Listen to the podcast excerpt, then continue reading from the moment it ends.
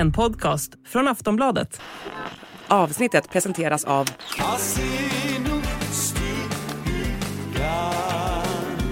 Stödlinjen.se, åldersgräns 18 år. I det här avsnittet svarar vi på alla era lyssnarfrågor. Vem chefar över de dyrbara kungliga diademen och vem bestämmer vem som får bära vilket? Får Harry och Meghans barn pengar från kungahuset? Och vad hände egentligen med prinsessa Madeleines och Chris flytt till Sverige? Och hur ser framtiden ut för monarkin? Det här är Kungligt. Jag heter Sara Eriksson. Och jag heter Jenny Alexandersson.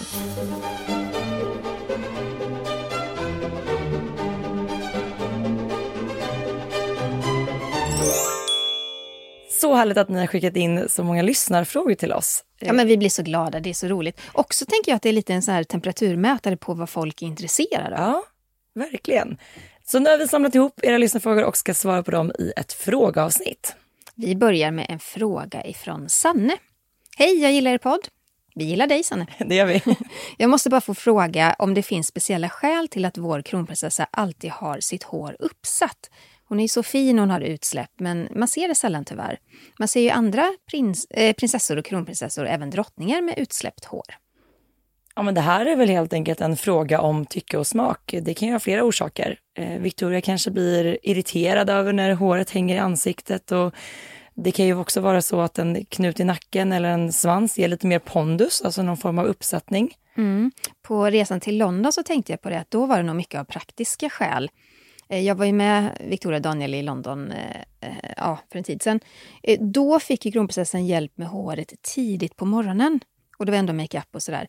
Och det är klart att då blev det en knut för att håret skulle hålla till kvällen och galamiddagen. Och då är det det enklaste och elegantaste. Mm. eh, Mest praktiskt att göra. Vi har fått två stycken frågor från Josefin som skriver Tack för en fantastisk podd. Jag lyssnar alltid på väg till jobbet eller efter jobbet. Jag har två frågor om smycken och tiaror. Då tar vi fråga ett först då. Ni nämner Bernadotteska stiftelsen där man kan hämta ut smycken och sånt. Och ni nämner också i podden att Victoria säger att vissa smink- smycken är för en drottning och att hon bär dem sen när hon blir det. Min fråga om detta är om det finns någon som bestämmer vem som får bära och i vilken rang de bärs. Eller är det kungahuset själva som bestämmer vem som får bära vilka smycken? Till exempel om prinsessan Sofia vill bära smycken som bara är för drottning Silvia. Säger någon till då? Ja, såklart. Någon säger till. nej, men, nej, men det är ju så här att eh, vissa smycken är testamenterade, till exempel till landets kronprinsessa. Det står i testamentet att Sveriges kronprinsessa ska bära det här diademet och, och då är det så. Då, då lyssnar man på det. Ehm, och eh, det är också det som kronprinsessan säger då i den här dokumentären. Eh, och Sara, du har ju kollat i detalj på den här. Det är SVT som har den, eller hur? Mm, det är den här kungliga smycken som sändes på SVT tidigare. Ja, men berätta, vad sa hon där? Ja, men det handlar väl mycket om också så här, dels vad, om vi pratar diadem då, vad det bär på för historia, vilka som har burit det före. Eh, nutidens kungar och kronprinsessor. Eh, man tittar liksom då historiskt sett hur de har blivit burna. Och när kronprinsessan då till exempel säger om det här brasilianska diademet som är väldigt högt, det är väldigt pampigt, det är extremt dyrbart, ovärderligt. Det är ju ett mer drottninglikt diadem och därför ska det också då bäras av drottningen. Och det är väl det kronprinsessan menar, att så här, det är inte för mig nu, det kommer bli det den dagen hon blir drottning. Ja, för det blir också konstigt till exempel på en galamiddag eller nobelmiddag att eh, en, en prinsessa kommer med ett enormt pampigt jättediadem medan drottningen bär ett litet, eh, lite mindre. Man får ju inte överskina drottningen. Nej, och det är väl det som då blir lite svar på det här med, med rang då. Att det är klart att, att diadem och smycken är ju såklart uppdelade efter liksom en viss status. Vissa smycken har en högre status än andra och där liksom hamnar man därför i rätt ordning med vem som bär vilket. Likaså så är det klart att kronprinsessan kanske har ett pampigare smycken än prinsessan Sofia till exempel. Fråga två här som Josefin har skickat in är så här. När de kungliga flickorna blir 18 år så får de sitt första diadem, tiara. Kommer prinsessa Madeleines döttrar få varsin krona eh, även fast de inte tillhör kungahuset längre? Ja, men det får de ju säkert. De kommer ju behöva det eftersom de kommer vara med på många kungliga middagar och familjejubileum i framtiden. De är inte en del av kungahuset, det stämmer. Men eh, de kommer vara inkluderade i de här eh, ja, men, jubileum och mer familjenära högtider och sådär självklart kommer de också kunna få bära eh, diadem och, och tiara. Så det får de alldeles säkert i present. Absolut.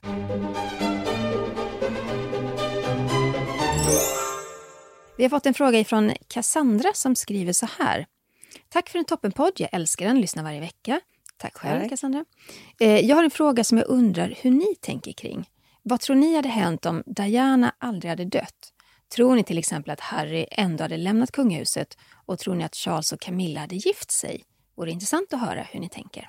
Ja, men det här är ju en, en väldigt spännande fråga. Eh, jag tänker den är kanske ännu mer liksom så relevant just nu. Det är många som kollar på senaste säsongen av The Crown där man verkligen får se hela de här händelserna. Då. Eh, jag tänker att så här, Harry har ju själv sagt i flera intervjuer att han dels inte tror att han och William hade glidit ifrån varandra ifall att Diana hade varit vid livet.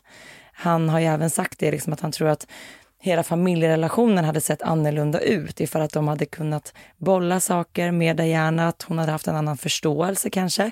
För när, när då, inte minst då Harry själv har pratat om hur han har mått och, och trivts i den här kungliga rollen. Jag menar, det är mycket, han delar väldigt mycket samma tankar och känslor som Diana själv berättade om eh, i, i den här kungliga rollen.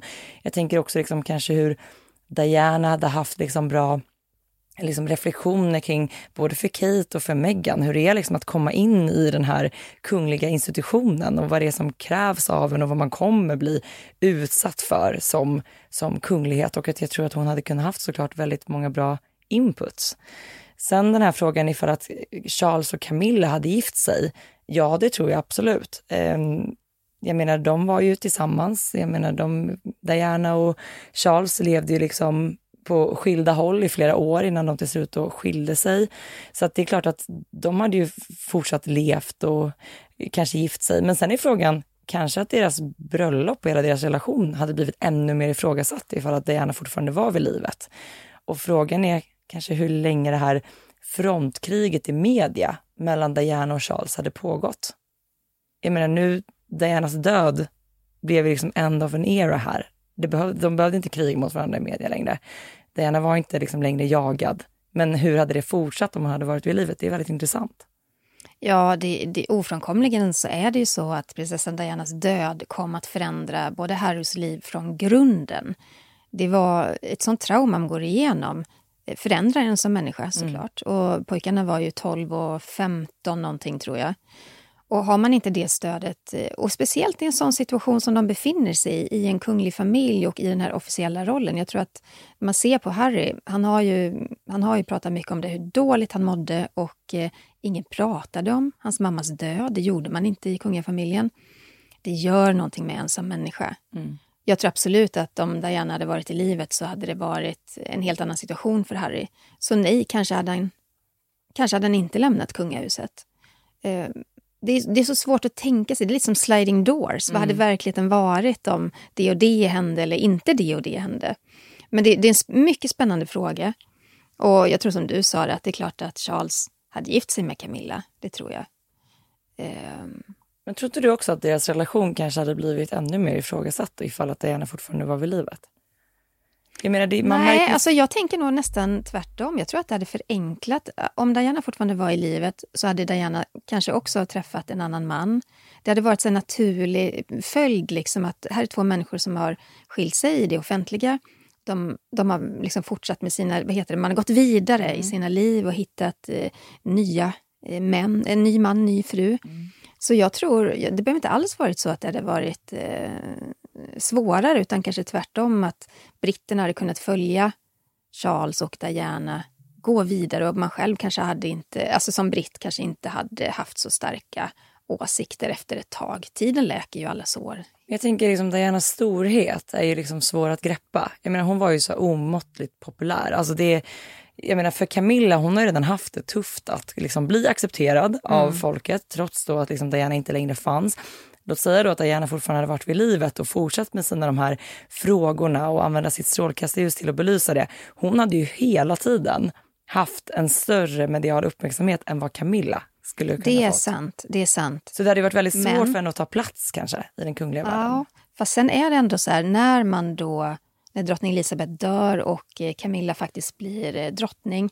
Eh, lite grann är det så att det går utöver allt. Hon hade ändå haft den här statusen som hade gjort att hon egentligen inte skulle behövt tävla med Diana på det sättet. Jag tror ändå att man hade kunnat se eh, Camilla som, som en fullvärdig drottning och uppskatta henne för det. För att man får tänka så 20-25 år senare att det är så mycket, så mycket vatten som har flyttit under broarna. Jag är inte säker på att det hade varit tuffare med Diana i livet. Det hade varit, jo, på vissa aspekter liksom, men, men man hade också kunnat se hur livet går vidare, hur, hur allting rullar på. Och, och hade det också varit så att Harry och William fortfarande var vänner, för det tror jag de hade varit ifall Diana var i livet. Och eh, att man ser att det är en funktionell, mer funktionell familj, så jag tror mycket hade sett annorlunda ut.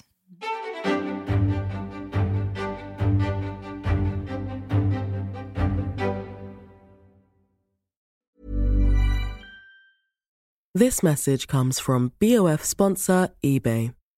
You'll know real when you get it. It'll say eBay Authenticity Guarantee. And you'll feel it. Maybe it's a head turning handbag, a watch that says it all, jewelry that makes you look like the gem, or sneakers and streetwear so fresh every step feels fly. eBay gets it. So look for the blue check mark next to that thing you love and be confident that every inch, stitch, sole, and logo is checked by experts. With eBay Authenticity Guarantee, you can trust that feeling of real is always in reach. Ensure your next purchase is the real deal. Visit eBay.com for terms. Vi har fått en fråga från Kristina som skriver så här. Hej, jag har läst någonstans att drottning Silvia berättat att hon håller på att svimma på en Nobelfest på grund av ett diadem. Stämmer det? Ja, stackars drottningen, det stämmer. Och det var vid hennes Nobeldebut, den allra första Nobelfesten 1976. Och då bad hon drottning Sofias diadem. Det är otroligt vackert, det är vår favorit båda två. Mm. Men det är ett svårt diadem att bära. Det sägs vara lite tungt och stelt och obekvämt. Och det är ju så att det måste passa bärarens huvudform perfekt för att det inte ska kännas obekvämt eller tippa framåt. Och då på den tiden så nålades diademen fast i, i bärarens hår, i det här fallet drottningen. Eh, man hade inte de här mjuka kuddarna runt omkring. Eller det, man har, idag har man ju virat lite mjukt eh, material runt själva ställningen, stålställningen. Ja, ställningen. Det hade man inte då. Så det satt direkt på huvudsvålen. Det är inte skönt. Nej. Eh, det nålades fast rejält. Nobelmiddagen är lång, man sitter ju fyra timmar och äter. Och eh, man kan ju tänka sig, drottningen har själv berättat det, för varje timme gjorde det ondare och ondare. Och återigen i den här fantastiska tv-serien Kungliga smycken på SVT, sedan, eh, där berättar drottningen då att eh, hon kände av det här diademet som blev då tyngre. Och till slut så gjorde det så ont så att hon höll på att svimma. Och det var faktiskt prins Bertil, tack och lov, då, som uppmärksammade att drottningen inte mådde bra. Och så sa han till henne så här att ja, men, plocka bort nålarna. Och drottningen hon låtsades då pilla sig i håret lite grann och kunde lirka bort eh, nålar.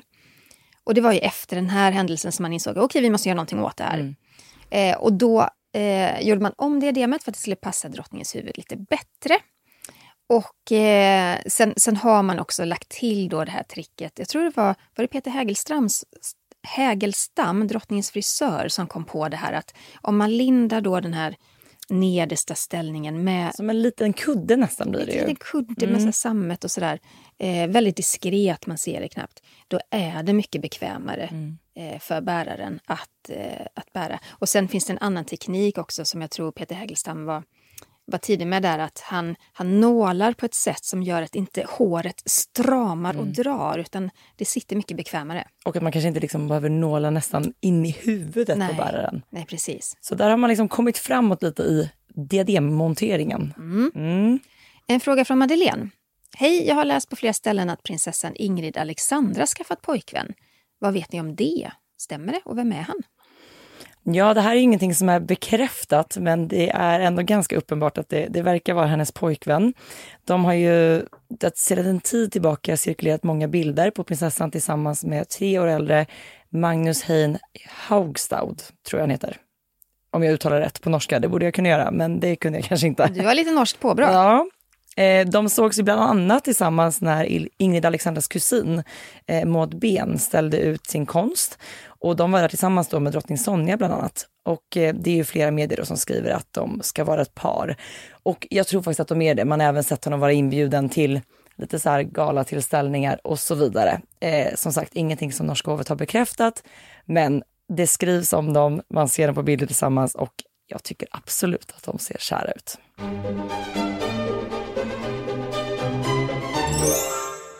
Vi har fått en fråga från Jenny som skriver så här. Hej, för några veckor sedan vid statsbesöket i Storbritannien så bar Kate ett nytt diadem. Vad vet vi om det? Mm. Det var ett inkommande statsbesök från Sydkorea, väldigt tjusigt sånt. Och då, då bar prinsessan Catherine ett fantastiskt diadem. Man har inte sett det sedan 1930-talet. Och det var under den här stora statsbanketten på Buckingham Palace som hon då gjorde entré med det här diademet. Det heter Strathmore Rose-diademet och det blev faktiskt Kates fjärde diadem att bära från den kungliga samlingen. Det är väldigt vackert, det har ett blomsterformat huvudstycke och var faktiskt en del av drottningmoderns samling. Och det vet ju du lite mer om, Sara. Ja, det här diademets namn kommer ifrån drottningmoderns pappa som var Earl of Strathmore och Kinghorn. Och hon fick det i gåva av sina föräldrar när hon gifte sig med prins Albert som senare då blev kung George den sjätte, alltså drottning Elizabeths pappa. Och ingen i brittiska kungafamiljen har faktiskt burit det här diademet efter drottningmodern. Så att Kate blev den allra första att bära det efter henne. Och som vi har pratat om förut, att när kungligheter väljer det diadem så är det ju liksom noga utvalt. Det har ju skett i dialog med då i det här fallet kung Charles. Och att det blev just det här diademet har ju ett liksom starkt symboliskt värde. Jag menar, Kate är ju själv gift med landets framtida kung, precis som drottningmodern en gång var. Och dessutom är det ju exakt hundra år sedan som drottningmodern fick det i gåva. Så att det finns ju någonting fint i att det då återanvänds hundra år senare. Och eh, lik många andra diadem så kan även det här monteras på flera olika sätt. Det kan dels bäras liksom över pannan, mer som ett pannband ser det ut då. Jag har ju sett det på bild. Mm. Det är inte jättesnyggt, men det är väl också för att vi lever i en tid där det inte riktigt är modernt Nej. med sådana låga diadem. Jag reagerar varje gång när jag ser det. Ja, men tittar man på många bilder som är runt den här tiden, alltså för hundra år sedan, då var, bars diadem väldigt ofta liksom i pannan. Och också på 20 och 30-talet. Ja. ja. Jag kan inte tänka mig något obehagligare än hur det liksom monteras fast där hårda diademet oh, mot liksom panngloben. Men så bar i alla fall drottningmodern det oftast. Men mm. vi såg ju då Kate bär det mer på det här andra sättet när det sitter mitt på huvudet och det var väldigt fint. Mm. Vi har fått en fråga från Ida som skriver så här. Hur ser det ut för Harry och Megans barn? Får de någon ekonomisk ersättning från brittiska kungahuset? Nej, det får de inte. De representerar inte kungahuset och det är ju osäkert om de någonsin kommer att göra det. Ehm, därför att efter Harry och Megans flytt så de lever i, de lever i Los Angeles. Ehm, de lever ett helt annat liv. De har tagit avstånd från eh, kungahuset och kungafamiljen på flera olika sätt. Så det är väl inte särskilt eh, troligt. Däremot så lider ingen nöd på de här barnen. Vi vet ju att Harry och Meghan de har fått, eh, de hade nästan till ett miljardkontrakt där med eh, Spotify och Netflix och det ena med det andra. Så de lever ett gott liv och de, de skulle aldrig kunna behöva ekonomisk ersättning heller från apanage eller liknande.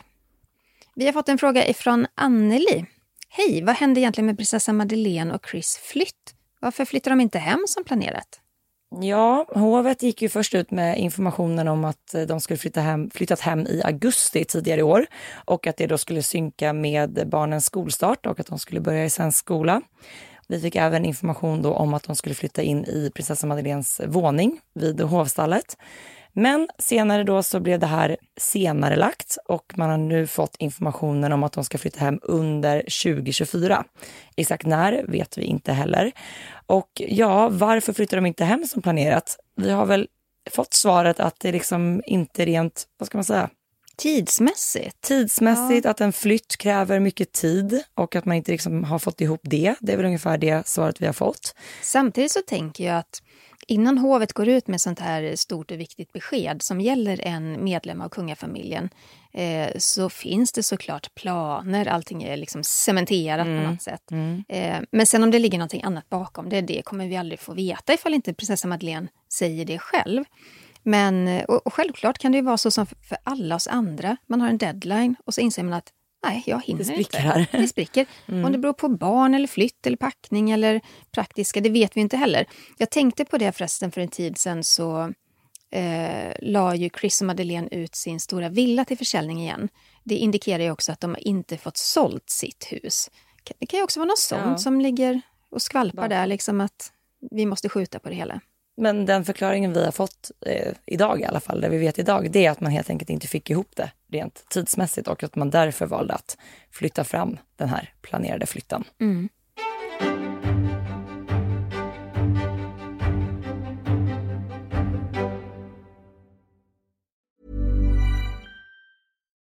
Since 2013, Bombas has donated over 100 million socks, underwear, and t shirts to those facing homelessness. If we counted those on air, this ad would last over 1,157 days. But if we counted the time it takes to make a donation possible, it would take just a few clicks. Because every time you make a purchase, Bombas donates an item to someone who needs it. Go to bombas.com slash ACAST and use code ACAST for 20% off your first purchase. That's bombas.com slash ACAST, code ACAST. Vi har fått en fråga från Karin som skriver så här. Vad händer med Harry om han skiljer sig? Tror ni att han har en större chans att bli förlåten eller få komma, komma in i värmen igen i kungafamiljen? Oj, vad svår fråga, men spännande fråga. Ehm, nu verkar det ju inte vara tal om skilsmässa överhuvudtaget. De verkar ha, ha ganska bra liv ändå där i, i USA, han och Meghan och barnen. Men ja, skulle det hända att det blir skilsmässa, det, alltså bara i teorin så här, större chans att bli förlåten? Nej, jag vet inte. Det, det handlar egentligen inte om Harry utan om Harrys eh, pappa och bror och, och släktingar och familjen och sådär. Eh, om det är lättare för honom att komma in i värmen? Ja, kanske möjligtvis därför att men då handlar det mer om praktiska saker, tänker jag. att eh, Det är en person man planerar för och inte en hel familj. Om, man ska in, om han ska introduceras igen i det offentliga livet på något vis och få uppdrag och sådär. Men jag tror att den här frågan är ställd mer på ett eh, ja, men så här, psykologiskt plan. att eh, eh, Kommer de någonsin kunna förlåta honom? Mm. Och det får man väl bara hoppas. Samtidigt tror jag att som läget är just nu, när det är otroligt infekterat och en ny skandalbok är på väg ut. Jag tror att det är jättesvårt. Jag tror att kungafamiljen också tar det väldigt hårt, men man får också tänka att det handlar om monarkin och britternas syn på monarkin och vad som egentligen riskeras i att det talas illa om och det skapas eh, drama kring eh, en kunglig familj. Sen får man ju heller inte glömma bort att Harry har ju i flera intervjuer själv sagt att det aldrig kommer att hända. Så att jag tror heller inte att han själv har ett intresse av att kliva tillbaka in i den kungliga världen. Utan att han är ganska nöjd att han har tagit ett steg tillbaka. Vi har fått en fråga från Elin. Vad tror ni krävs för att den svenska monarkin ska få vara kvar i framtiden? Finns det saker som tyder på att monarkin kommer få vara kvar eller försvinna? Nej, men nummer ett för att en monarki fortsatt ska liksom anses relevant, eh, det handlar ju om att de följer sin tid. Och eh, där ser man ju liksom hur inte bara svenska kungafamiljen utan hur alla kungahus runt om i Europa liksom försöker följa liksom den här komma närmare folket, bli mer folkliga, vara mer, vi ser dem i helt andra mediala sammanhang. Jag tänkte liksom på det nu, norska kungahuset som har gjort de här roliga videoklippen liksom där, där Ingrid Alexandra intervjuade sin lillebror. Det är liksom ett, ett helt annat sätt hur man hanterar media och också, där kan de också styra bilden av sig själva via sina sociala medier och så vidare. Men det är ju hela tiden den här utmaningen i att visst, de ska bli mer vanliga människor, komma närmare det vanliga folket utan att tappa sin mystik och lite den här upphöjdheten. Och det är ju verkligen en svår nöt att knäcka. Alltså hur, var går gränsen för när det blir för folkligt? Och liksom, man måste följa sin tid, då kan man heller inte ha den här enorma upphöjdheten. Så det är klurigt, men det tror jag är en jätteviktig del i eh, hur monarkin liksom ska överleva och finnas kvar i framtiden. Men också så här, jag tänker som nutidens kungar och drottningar och inte minst liksom nästa generation, hur mycket man fokuserar på att använda sitt kungliga strålkastarljus till att belysa viktiga frågor. Jag menar klimatet och så vidare. Att man, man får använda sin, den, den makten de har är ju liksom att kunna belysa rätt saker och det gör de ju på rätt sätt idag. Och där handlar det väl också om att följa sin tid och belysa rätt saker. Jag Vad tror, tror du? jag tror det finns eh, tre saker som krävs för att eh, en monarki ska få vara kvar. Den första som du nämner, Sara, att de måste följa sin tid. Oerhört viktigt. Det andra är att det ska vara relativt skandalfritt. Folk eh, tål inte skandaler, eller älskar skandaler, Mm. men, men då har man liksom hamnat på helt andra sidan av den här skalan kontra kungligheter, kändisar. Eh, jag tror att ett kungahus måste vara relativt skandalfritt. Kolla i Spanien, vad som hände med Juan Carlos, den tidigare kungen. Sparkades ut, fick abdi- abdikera. Det finns fler sådana exempel. Belgien till exempel, kung Albert som hade då ett barn utanför äktenskapet och så vidare. Eh, så att det följer sin tid, det är relativt skandalfritt och också att de håller i sina pengar. För den frågan har vi sett speciellt i den här tiden vi lever nu, i ekonomisk eh, orolig tid. Att man accepterar inte längre ett kungahus som slösar pengar eller som inte bryr sig om att eh, kapa grenar eller, eller ta hand om ekonomin på något klokt sätt. Nästan varenda kunglig familj i Europa eh, gör, nu, gör nu saker för att officiellt, att, att de vill få sitt folk att förstå att vi är ansvarsfulla och vi är ekonomiska. Så jag tror att det är de tre grejerna som är viktigast. Fortsätt gärna att skicka in fler lyssnarfrågor till oss. Det gör ni till kungligt.aftonbladet.se. Vill ni ha dagliga uppdateringar om kungliga nyheter, följ oss på sociala medier. Sara, var finns du? Man hittar mig på Instagram och på TikTok under namnet royalistan.se och var hittar man dig Jenny? Främst på Instagram, kungligt med Jenny. Tack snälla för att ni har lyssnat. Vi hörs nästa vecka. Hej då! Hej då!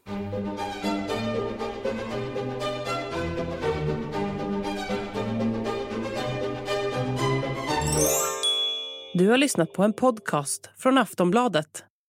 Ansvarig utgivare är Lena K Samuelsson. This message comes from BOF sponsor eBay.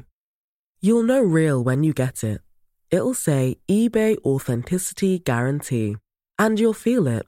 Maybe it's a head turning handbag, a watch that says it all, jewelry that makes you look like the gem, or sneakers and streetwear so fresh every step feels fly. eBay gets it.